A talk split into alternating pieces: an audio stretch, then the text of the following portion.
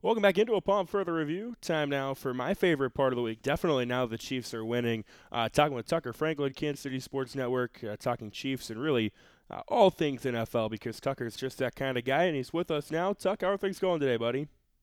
They're going good, man. Uh, if you think about it, this time next week we're gonna be have a Chiefs game. I mean, it's a Thursday game. We got a quick turnaround, but then they got the mini bye afterwards, and I always like a Thursday night game because then you can actually enjoy all the other football games on Sunday, and, and kind of the same thing with the Monday night game. So it's gonna be gonna be a fun week this week. Can't overlook the Raiders though because you know they've they've been known to bite us in the butt a couple times. Yeah, I don't necessarily like the short week that leads in to a Thursday night game, and I, I imagine the players, I, I know the players, so most of them uh, definitely don't. But it's going to be fun to keep an eye on.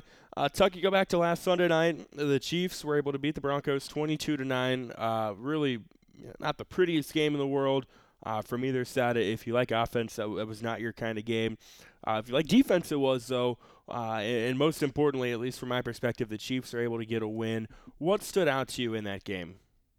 I think you said. I think it was the defense. Now that Broncos offense isn't the most intimidating offense. Teddy Bridgewater isn't the most menacing quarterback in in the backfield there, but they were able to hold them under 10 points, which is a feat in the in, in the NFL because it's an offense first league, and if you can hold an NFL offense to under nine, 10 points like the Chiefs did, uh, it's a good day at the office.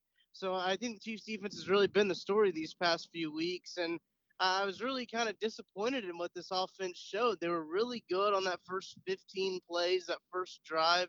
Second drive was even pretty good. But then after that, they kind of fell flat. And we saw the same thing in the second half. That when they came out of halftime, they looked good until, you know, the interception that comes off of Tyreek Hill's hands. They got to figure something out there.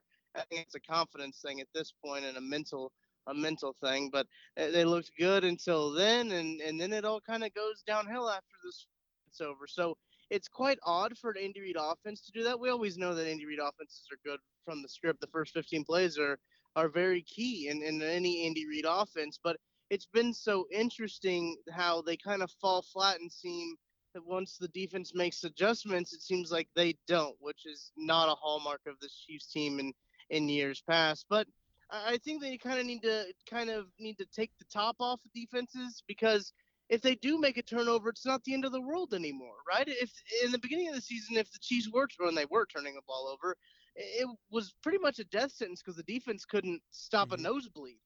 Now the defense is playing really well, so I think they got to get a little bit more confidence, maybe take a little bit more risk because they know that their defense can negate a little bit of that risk. Yeah, I saw a stat earlier this week. I think it was f- the last four games. Uh, the Chiefs have scored a touchdown within the first 15 plays of the game. And then in three of those games, the offense didn't score another touchdown uh, the rest of the way, that being with the Packers and then with the Cowboys and the Broncos last week. And also, you know, there's a lot of talk of, okay, well, you know, they've got Patrick Mahomes, they've got Travis Kelce, they've got Tyreek Hill, they've got the weapons. Uh, we know they can figure it out, and the defense is playing better, which is what a lot of people think makes them, uh, you know, a scary team come January. And I don't necessarily disagree with that, but Tucker – uh, maybe this is just a pessimist in me, but at what point is this just what it is with the Chiefs' offense? They're going to be inconsistent. Uh, they're, they're going to make mistakes. They're going to leave points on the board. Uh, they're they're going to have to lean on the run game more than they have in years past, and and lean on defense and kind of you know shy away from what made them that sexy team. You know, in 2018 and 2019, uh, when Mahomes kind of merged onto the scene. Yeah, I, I already think it is what they are, if that makes sense. I know it's kind of a confusing sentence to say. Um, I think that's what they are at this point, and it stinks because you want to see Mahomes kind of take the top off defenses, throw the deep ball, get guys open, but it's been tough without a Sammy Watkins, without other guys to help Travis Kelce and, and Hill get open, and when they are open, they've been dropping the ball, which is really not something that we talked a lot about with Tyreek Hill or Travis Kelce, but they both have drops. I think seven of Patrick Mahomes' interceptions have come off of tip passes by his receiver, which is an incredible stat. I think he has nine interceptions off of non-turnover worthy throws as well, leads the league in that. Um, and which is funny because we talked about last year how he led the league in turnover worthy throws, but was like last in interceptions.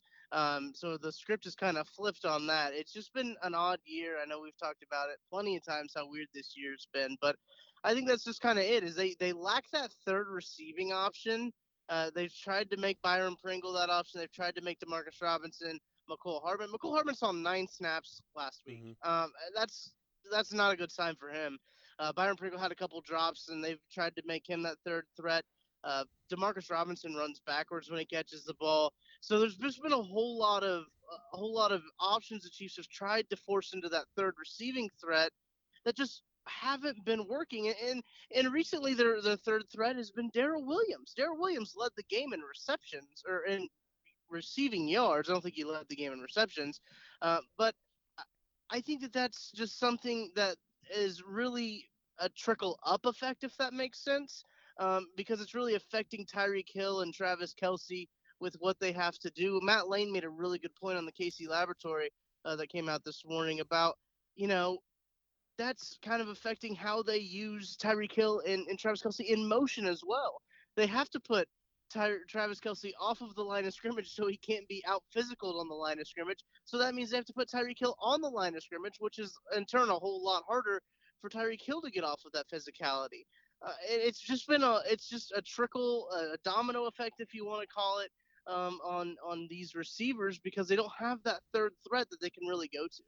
Yeah, in the same token, though, uh, as we sit here kind of griping about the Chiefs' offensive struggles, I mean, they're on a five game win streak. Uh, and, and, you look at the rest of the NFL and you see, you know, the Titans clown the Chiefs, then they get beat by the Jets, they get beat by the Texans. Uh, the Bills are a freaking mess right now uh, and are probably you know, right now they're in danger of not even making the playoffs. Uh, you know, they lost the Jaguars and they've got clowned by the Colts. Then you look at, uh, you know, the Ravens. Every game with them, it doesn't matter who they play, they're in a fight. Uh, they can't play a normal game, and they've dropped some because of that. Uh, how much as Chiefs fans should we just sit back and say, hey, you know, I've always been more of, you know, just win is nice, but you'd like to have some style points with it too. But how much as a Chiefs fan do we just sit back and say, hey, you know, it hasn't been pretty, it hasn't been effective, but maybe at some point they're going to put it together. And even if it's not what we want it to be, you know, they're still winning while other teams, you know, aren't winning these games, so to speak. Right. Yeah. I, I think that's a that's a pretty large conversation. I think that we could spend a whole lot of time talking about of of the whole are you being a pessimist or realist or optimist in, in terms of yeah, I do think that it's good the Chiefs are winning, but you aren't being being a bad fan by saying, yeah, there's some problems here. I think that that's kind of what, where we're where we're going. Like, yeah, things need to be a little bit better, but in the same token, you're right. They are winning games, and really, that's what they need to do. And, and, and I think that that's really what we have to take at this point is, yeah, okay, they're they're getting the job done. They're winning these games, but in the same breath, you can still say, I'd really like to see Patrick Mahomes throw the ball a little bit deeper. I'd really like to see uh, some of these di- different things from the offense. It's kind of weird to ask that instead of from the defense. But I think it's been it's it's been a learning experience for everybody because Patrick Mahomes has blessed Chiefs fans with his uh, wonderful football playing ability. So it's just one of those things where it's tricky. It's a it's a it's a fine line, and you got to know. Uh, you don't you got to know where the line is, and it's always hard because it's kind of a gray area. But I do think that that we can take from this and say, hey, they're winning ugly, and that's what good teams need to do is find wins in ugly games and win 22 to what was it 22 to 9 is mm-hmm. what they won yep. um, which is an awful score by the way that's not a football score um, but i think that there's just there's there's good value in that yeah uh, when they lost to the Titans, you know, they were three and four. Everybody wrote them off, and it was, oh, they're going to be lucky to even make the playoffs.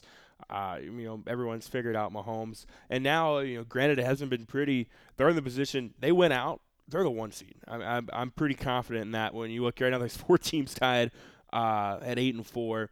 Uh, you look at the schedules as well. Uh, they went out. My money's on them being the one seed. At worst, the two seed. So uh, again, it hasn't been pretty, but here we are in December with a matchup with the Raiders coming up. And, and, Tucker, this is a big one for the Chiefs. Every game going forward is going to be a big one for the Chiefs. And you kind of touched on it earlier, you know, not overlooking this one going into Thursday with the Chargers, which, you know, could be a, well, it is a massive one. Uh, the AFC West could be decided on that night.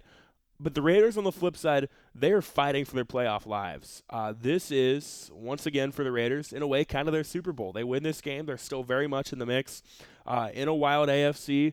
But if they lose, Now they've dropped, I think it'd be five of their last six. Their schedule doesn't get any easier, and they're below 500. So uh, I kind of think the Raiders are, are, are going to be really aggressive on Sunday. Yeah, I mean they they've got to be aggressive. I, I, think that that's kind of one of those things, and, a, and a, kind of a hallmark of a Raiders team to to kind of sneak up on the Chiefs when their kind of guard is down. Now I don't necessarily think that this that this team's guard is down. Um, it's just it's almost a perfect storm for a trap game if you if you really look at it. And I asked Mike DeVito about that on one on one on the KC Sports Network.